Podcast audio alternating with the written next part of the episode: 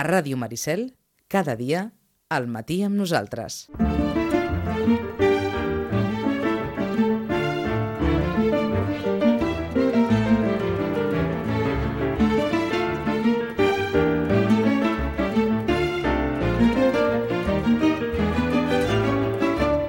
I avui gairebé podríem començar pels llibres de, de no ficció, pels llibres d'assaig, perquè hi ha un protagonista.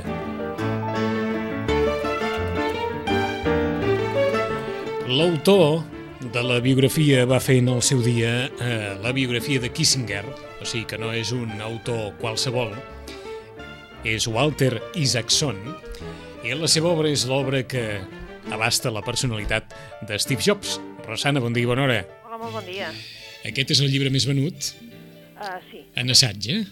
sí, en aquests moments sí, la veritat és que tant en català com en castellà s'ha notat que ha sigut la novetat que no és que l'estiguessin esperant, el que passa que com que saps que es va morir fa molt poc, també és cert que en aquests moments se'n parla molt del tema i per tant um, suposo que tothom volia saber més coses d'aquest personatge. eh S'ha notat a la llibreria? Sí, sí, Molt, sí, eh? la veritat sí, sí, sí. A més, la, la portada també és com a, Mm. vull dir, la cara seva, um, Amb una expressió molt, molt gràfica. exacte, eh, molt, uh, bé, Mm. allò que, que dius... Eh, Té- té un punt és de- molt de- neta té- també la portada, Mhm, no? O sigui, sí. només la seva cara, a Steve Jobs ja ho has dit tot. Té un no? punt de- té un punt d'inquietant, eh? Aquest, Sí. aquest rostre. Sí, Eh? Com sí, allò sí, de, perquè- del, de l'home que amaga dins seu alguna cosa. Sí, a més a més està fi- mirant fixament a la Ah, càmera, eh? Llavors, eh, saps allò que dius, mm, carai, no? uh, sembla que et miri, no? D'acord. I la veritat és que sí, suposo que també això també fa que, doncs, bueno, uh, Mhm. és un públic diferent, és un públic que potser no llegeix tanta novel·la, però en canvi sí que li interessen, doncs, biografies molt, molt concretes. Escolta'm, Tampoc la- no és el públic de biografies, això ho hem de dir, clar, Mhm. eh? És a dir, aquí hi ha una barreja i hem de suposar, sobretot, de públic més aviat jove, o no?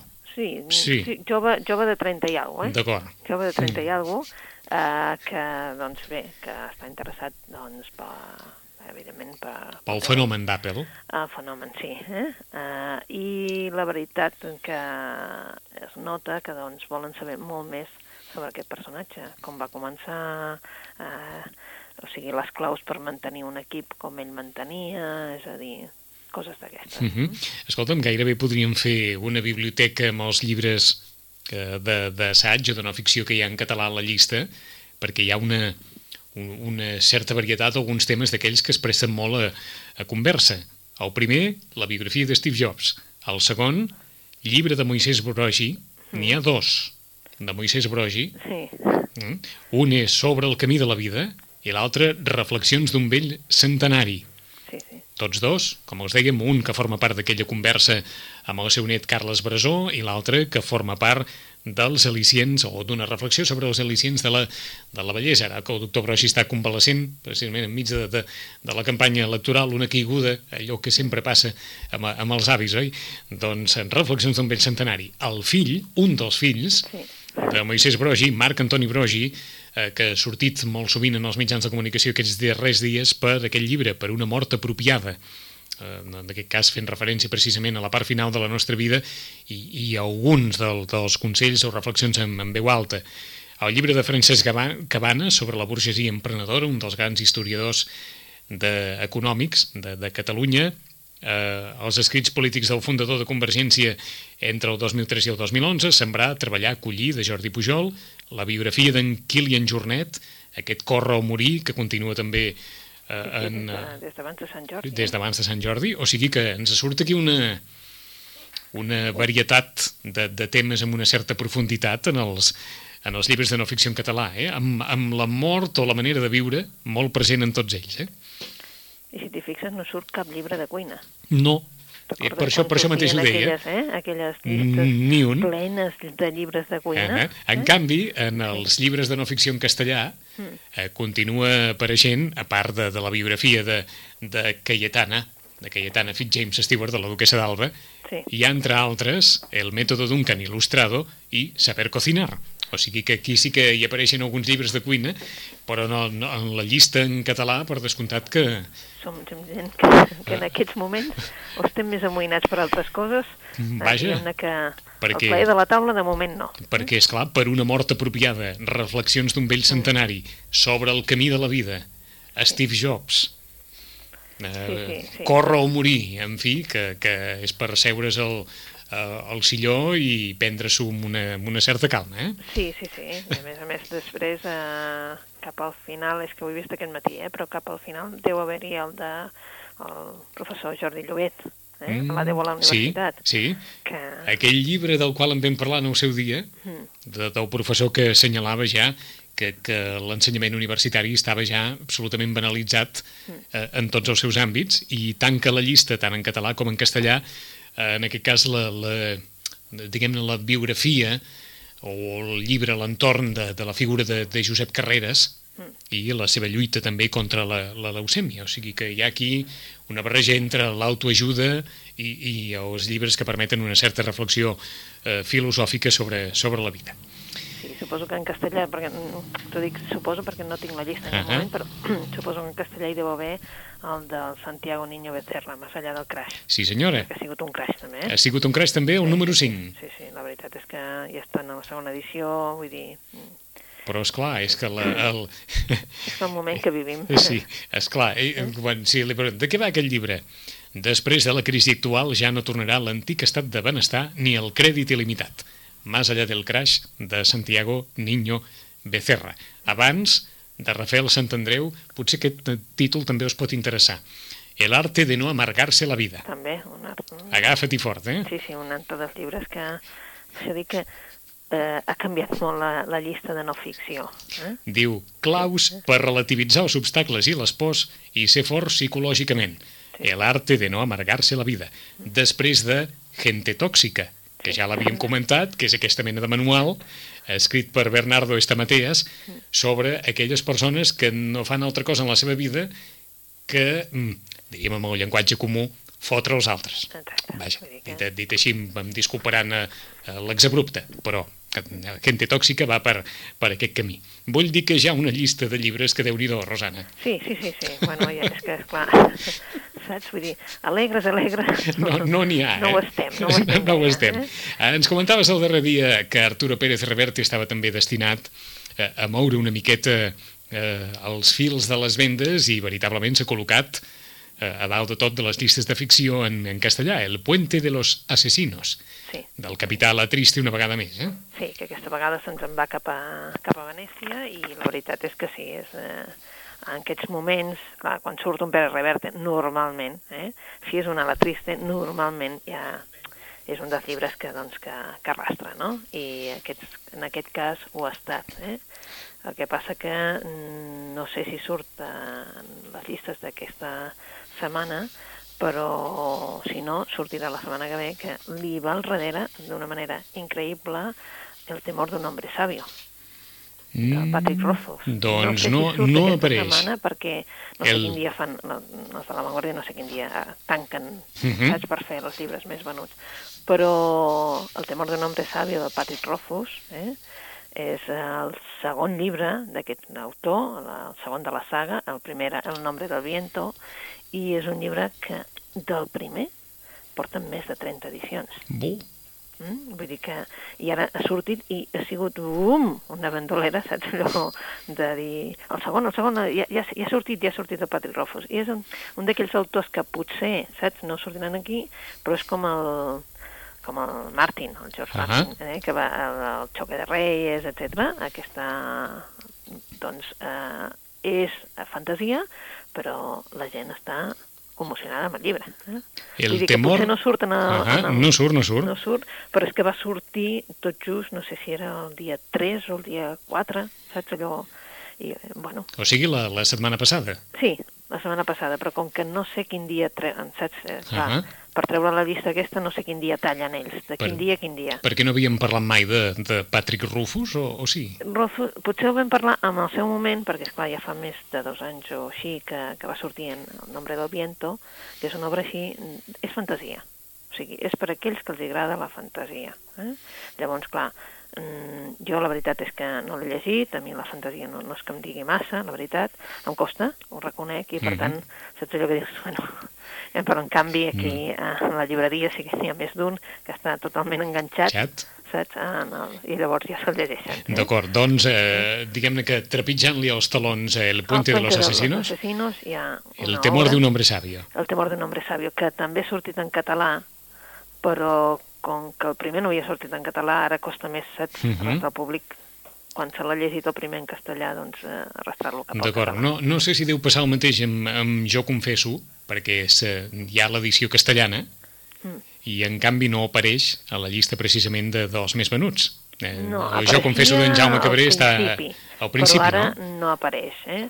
Home, mm, la veritat és que els editors en, en castellà, els de Destino, estan molt contents, molt contents de, del Jo Confieso en castellà, Ahà. perquè ha fet una tirada enorme i s'està venent al reste del país, que això Vull dir, saps? Vull dir, el reste d'Espanya s'està Sí. venent, con la qual cosa a casa nostra es ven, però també a fora triomfa un autor en català i alhora. Eh? Però, clar, mm, al sortir, mm, saps? Tants llibres en aquest moment, Mm. tanta novetat... L'ha perjudicat, vaja. Sí, un, un, sí, un tapa l'altre. La veritat és que un tapa l'altre, eh? Mm És una Eh, qüestió em- de, de... Saps allò que dius, bueno, estem a les taules que estan caient els llibres per, pel costat, saps? Vull dir que dius, bueno, això no es pot aguantar de I, tanta i, novetat. I encara queden les sortides de Nadal? Eh, sí, encara Sí. queda perquè pensa que uh, d'aquí pocs dies, d'aquí pocs dies surt el Ruiz Zafón, Mm? prisionero del cielo. Clar, si surt el Ruiz Zafón, imagina't. Vull dir, encara queda aquesta novetat, en queden bastantes encara, però vaja, uh aquesta seria una de les que, saps? I- que dius, i- uh, mourà. I se'n sap alguna cosa, Rosana, d'aquest prisionero del cielo? No, se- ens en diran el dia, em sembla que si això és el dia 19 o el dia 16, ens, ens explicaran el què, eh? Mm. amb els llibreters, però de moment Tot és un hermetisme, vaja. tot és un hermetisme, perquè, és clar, vull dir, se sap que, que surt ja, però, clar, com que ningú no en sabíem que sortia perquè no estava previst, o sigui, saps quan ens, ens passen les novetats del mes, etc. com que ens ho passen, aquest grup ens ho passa com a dos mesos abans, no estava previst, i de cop i volta surt un, un mail de dir, ei, sortirà a la premsa que us sapigueu que surt un nou Ruiz Zafón. D'acord, i sortirà un nou Ruiz Zafón al cap de setmana electoral, el 19 de novembre. Jo diria que és el 19, per això et dic que em sembla que és eh, el 19, no, el 19 és dissabte. Sí. No, no pot ser, doncs, el 19. D'acord. Doncs deu sortir aquesta setmana que ve, o sigui, Vaja. la propera. Eh? La propera setmana deu sortir el Ruiz Zafón. Mhm. Per tant, atenció a tots aquells, Sí, especialment si no, seguidors bueno, de Ruiz Zafón. És que ara estava dient la data així perquè, no sé, p- doncs potser surt el 16, Mhm. saps? M'he equivocat de data. Perquè ara pensava, no, si el 19 és, és Ma, dissabte. vaja, que és imminent, és, és igual. imminent el Ruiz Zafón i per tant eh, segur que llavors sí sortirà a les llistes, o sigui, tothom se n'enterarà perquè jo crec que, clar, el que va llegir La sombra del viento doncs d'alguna manera va continuar i ara continuarà, eh? perquè què passa que ja sabeu que, que després potser no va, no va tenir l'èxit el segon llibre tal com el va tenir el primer, però jo crec que la gent sí que encara hi ha molta Mhm. gent que està esperant un Ruiz Zafón. Quan, quan fa de la sombra del viento? Però, uf, La sombra del no, viento... no, no m'atreveixo a dir, però Escolta, potser- quatre anys? No, més. Més? Cinc? Més. De la sombra, sí. De la sombra del viento, més, sí, perquè del... Sí, no? No, no, no, no ho sé, eh? Sí. jo, jo sí que no... no Sí, sí, Mm. de la sombra del viento, molt més, perquè... no, no, a vegades no sé per què pregunto. no, no, Eh, és perquè que és posar-se en un, en, en un... No, no, és que... Uh, no, home, del 2000, com a mínim 8 anys. 8 o 9, eh? Del 2004 em diuen aquí, Veus? Rosana. És que no, és Set que- anys. que- Set anys, anaves ben encaminada. Set Sí, anys sí, ja no, fa. No, mm, Però és que, esclar, vull dir, és que, és que sembla... No, tot passa molt ràpid, Tot passa eh? molt ràpid, eh? Tot Eh, passa molt ràpid. En qualsevol cas, un nou Carlos Ruiz Zafón la setmana que ve, probablement, és Prisionero del Cielo. Exacte. Et sorprèn que Haruki Murakami estigui en el tercer lloc a les llistes de venda tant en català com en castellà? No, No. no, perquè uh, Q84 va sortir molta força el primer llibre, que era l'1 i 2, eh? i ja tots els lectors estaven esperant eh, el llibre 3. També suposo que serà un dels llibres de Nadal, jo crec. Eh? És d'aquells llibres que tu ja preveus que dius, bueno, aquest és probablement un dels llibres de, que hi haurà Mhm. tota una sèrie de gent que s'està esperant que li regalin per Nadal. Doncs I vinga, escriurà seguim. Una, un- escriurà una carta a qui convingui, no? I, i llavors va estar esperant per Nadal. Doncs, que eh, no se- sorprèn gent. No, Segurament el, que el que crida l'atenció a la llista de llibres en català que l'Odissea d'Homer estigui en quarta posició. Sí, això, eh, això és un... Saps allò que Mm. has de dir un bravo, eh? Eh? Perquè, esclar, és la traducció de, de Francesc Mira i la veritat és que mereix allò de dir, sí senyor, xapó. Escolta'm, aquí, aquí, aquí ens diu Rosana, diu Joan Francesc Mira tradueix a un català assequible les aventures d'Ulisses. Sí, perquè teníem la traducció del Carles Riba, Uh -huh. però és clar, si, si posem el context del Carles Riba, és clar, era un, un, català doncs, eh, molt, molt pur, no? Mm. Potser, potser molt poètic, però, clar, eh, avui dia el lector mm, clar, ha canviat i el, la nostra manera de parlar el català també ha canviat moltíssim de- d'això i llavors doncs eh, el que ha fet el Joan Francesc Mira és fer una traducció de, de l'Odissea per un públic eh, català però que, que tingui ganes d'entrar-hi. D'acord. Que no? quedi clar, però, suposo que, que no estem parlant d'una traducció menor, eh? És a dir, que No, ningú... no, no, no, no, no, no, en no. absolut, en absolut. Vull No. dir, està, està signada pel Joan Francesc Mira, llavors D'acord. és, és allò, garantia, saps? Allò com si posessis el segell de garantia, però almenys per, per mi està És a dir, el- allò de sellat. és El que ens eh, està dient la Rosana és que és un català mm, molt adaptat al- als temps, per dir-ho Sí, així. jo crec que mm, el que, clar, si, si recordes, clar, Carla Riba, quan la gent li dius, home, Carla Riba, la gent pensa, uf, uf, eh, no? I és, és un, un català com a molt, molt més poètic, clar, és, Ahà. que és el pare de, de tot això, no? Però, clar, en, en aquest cas, el que ha fet el... Jo crec que sí que tenen raó de dir que és un català més assequible. D'acord, i en res, en uns moments la, les recomanacions. L'hora zen de Teresa Solana, l'havíem comentada? No, no, no. La veritat és que és la nova eh, de, de la Teresa Solana, Mhm. la nova novel·la. Jo, la veritat és que t'haig de dir que encara no me l'he llegida. Vull dir, mm, és, eh, si recordes, la Teresa Solana va començar doncs, amb una sèrie d'obres en les que doncs, ens posava doncs, eh, obres de, del gènere negre, per entendre'ns, no? I ara continua, el que passa que, clar, sembla que això de l'hora zen, no? Mhm. Ah, si te'n recordes de les negres tormentes, Dracera al paradís, eh? set casos de sang i fetge, em sembla que era l'altre, o potser el que va tindre més èxit va ser un crim imperfecte. De tota manera, aquest de l'hora zen ara ens presenta un nou cas de d'aquest de, dels seus personatges. Mhm. Jo aquest encara t'haig de reconèixer que no...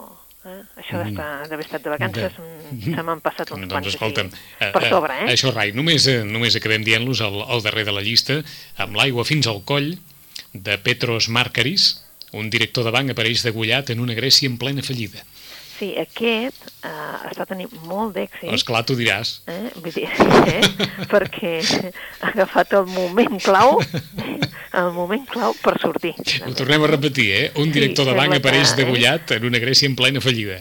Sí, O el, sigui que... que- El, que, els, els que han seguit el Petros Marcaris ja saben que doncs, el comissari Jaritos eh, doncs, eh, bueno, és allò que és un comissari ja diguem-ne de, de mitjana edat, eh, Mhm. per dir-ho d'alguna manera, de 50 i alguna cosa, i és un comissari que normalment doncs, ens presenta doncs, a, el, els trets també de tots els, els grecs i la veritat que són unes obres molt amenes. A mi m'agraden les del Petros Marcaris quan saps sobretot allò, quan dius ara necessito descansar una mica, doncs bum, agafes un, un Marcaris. Però en aquest cas és que ha agafat doncs, el moment clau per explicar-nos una Grècia, quan Grècia està en els mitjans de comunicació cada dia, Mhm. eh? i Doncs- precisament el mateix tema. Doncs el llibre no pot ser més gràfic amb l'aigua fins al coll. Tenim temps per dues recomanacions. Rosana. Dues recomanacions. Doncs mira, en recomanarem uh, una que em sembla que no, no, no l'hem parlat, no sé, tu m'ho diràs, uh, Libro, del Peixoto, No. no? Clar, és que el, el títol del llibre és Libro. Eh? és el José Luis Peixoto, és un autor portuguès i en aquest cas ens parla d'un personatge. El personatge Libro surt cap al final i llavors veureu qui és el personatge li Libro, eh? Mhm. eh, perquè aquest és el nom d'un de, d'un dels personatges. Però resulta que això tira enrere la història. La història és la història dels portuguesos, de tots aquells portuguesos que van marxar de Portugal per buscar una mica de, diguem-ne, per poder sobreviure i van marxar cap a França. Una gent que, segons el Peixoto, es va ser molt valenta perquè, evidentment, no coneixien la llengua, no tenien papers, van haver de travessar des de Portugal, van travessar tot Espanya, tota la frontera, per tant, els podia agafar la Guàrdia Civil, els podien agafar a, a França, van ser també, ja existien aquestes màfies de dir, doncs, eh, saps, allò de, de et passo o no et passo, mm -hmm. Però en definitiva el personatge és un nen, un nen que molt petit es queda sol en una plaça esperant que el vingui algú al recollir-lo. Allà l'ha deixat sa mare, i sa mare el deixa perquè ja no pot, eh? no pot, eh, el necessita deixar amb algú i algú el ve a recollir. Aquest és el José, un personatge que és, eh, que ell, la veritat és que fa de manyà i per tant, a partir d'aquell moment el que veurem és una història de dos homes, eh, un d'adult i un de molt petit, que inicien una vida conjunta en el sentit de que bueno, no tenen arrels familiars, però a partir d'aquell moment representa que seran família. Eh? Mm -hmm. És una història tendra, una història preciosa, perquè, clar, aquest nen va, va creixent, va coneixent l'amor, és una història de destrobades, eh? de, de, llibre, de mm, cartes que no arriben, de cartes que haurien d'arribar, de situacions que haurien de passar i no passen, de que aquesta noia de la qual ell s'enamora també l'enganyen i marxa, però estan tots, molt, tots dos personatges molt a prop i no es troben. Uh -huh. uh, Libro és, uh, diríem, el fill eh, d'una de les personatges i si llegiu el llibre us encantarà. És per, uh, per gent que li agradi la literatura així uh, de sentiments, uh -huh. eh? I perquè, clar, el personatge primer, el nen, es diu Idilio, eh? Ilidio, perdó, i de l'Ilidio i el José eh, la, la història va seguint les seves trobades i no trobades i com dues persones que no tenen cap arrel conjunta, al final resulta que serien com a pare i fill. D'acord, o sigui que estableixen... És una preciosa, uh -huh. eh? però per gent que li agrada una mica doncs, la literatura així, més de sentiments, més d'anar estan escorcollant mm. què hi ha darrere de tot aquest llenguatge. Oh, doncs després d'haver repassat la llista potser ens convenia una cosa així, eh? Sí, sí, sí, és preciós, mica, eh? eh? allò... Libro de, de José Luis Peixoto, aquesta història entre Ilidio i José, no són pare-fill biològics, però estableixen un vincle que es podria comparar perfectament o segurament superaria a moltes relacions de pares i fills sí, eh, biològiques. És, és eh, mm? la història també de Portugal, de tots aquells personatges que van marxar, de com hi ha un nano que és el seu amic i serà l'amic de tota la vida, de la història d'amistat entre aquestes persones i de com l'amistat i l'amor entre la gent doncs, fa que a vegades les coses runyin. Eh? Doncs una història edificant. I un més, sí, Rosana. Sí, sí, és preciosa. Eh? Uh -huh. I després eh, no surten, em sembla, a la llista, perquè de que mm, el planeta i el finalista. Uh -huh. Ja han sortit, ja ha sortit el Premi Planeta, eh, suposem que d'aquí poc la gent ja sabrà que ha sortit el Premi Planeta, ja saps que cada vegada ho, ho acceleren més això, i eh, el Premi Planeta d'aquest any el va guanyar el Javier Moro amb el Imperio eres tu, però jo volia parlar-te també de la Imma Chacón, del Tiempo de Arena. El Tiempo de Arena de la Imma Chacón és el títol finalista. Uh, la Imma Chacón és una, diguem-ne que és una autora que es va donar a conèixer eh, quan va morir la seva germana Bessona, que era la Dulce Chacón, que aquests uh -huh. dies també doncs, és un de les autores venudes en, en llibre de butxaca perquè han estrenat la pel·lícula de La voz dormida, doncs eh, la Imma Chacón va fer una... On la, la seva primera novel·la va ser La princesa Inca, que era com una història que li havia explicat la seva germana, però que la seva germana Dulce ja no podia escriure, estava ja molt malalta, i va ser la Imma Chacón qui va escriure la novel·la. Eh? En aquest cas, eh, aquesta la seva tercera novel·la és la que ha estat finalista del Premi Planeta i a partir d'ara ens sentirem a parlar de Tiempo de Arena. Tiempo de Arena és la història d'uns personatges, d'unes dones, eh? perquè aquí el que conta són les dones. La Maria Francisca és una dona d'una família noble de Toledo i s'està morint. A l'hora de morir, doncs, eh, vol veure els seus fills. Era una, és una persona soltera, perquè llavors tots els personatges que estan allà, les seves germanes, la seva mare, doncs eh, es queden eh, sorpresos. La seva mare nega que, eh, que aquesta dona tingui fills, però les seves germanes no deixaran mai de preguntar-se si realment no n'hi han de fills, mm. perquè és molt estrany que la febre li doni per parlar de fills que no ha tingut. Així eh, tenem la història d'aquestes dones, de les dones que es diuen Camp de la Cruz, la Mariana, la Munda, l'Alejandra, que la veritat que són les hereves d'un ascendat espanyol. Uh mhm. -huh. I a partir d'aquest moment tenen, eh, bueno, elles mateixes busquen la felicitat de diferent manera.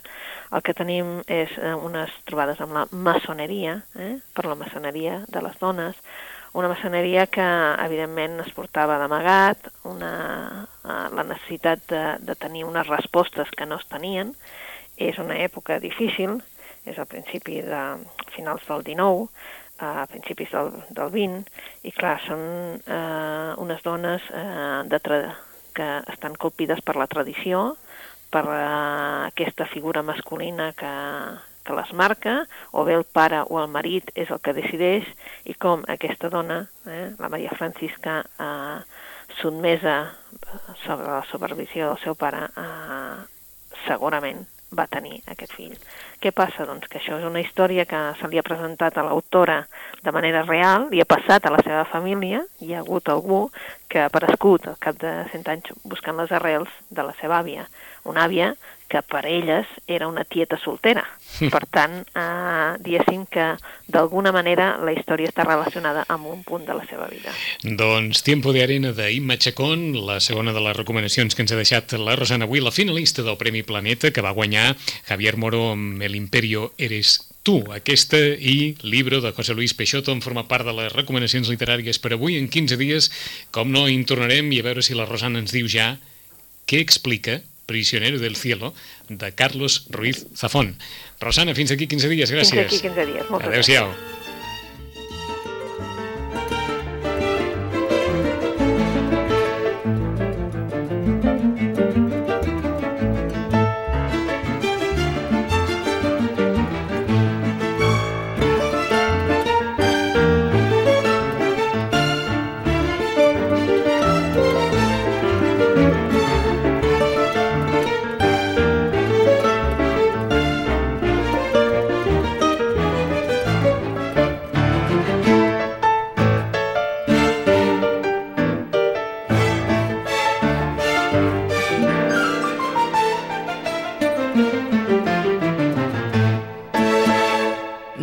Maricel, 107.8 FM.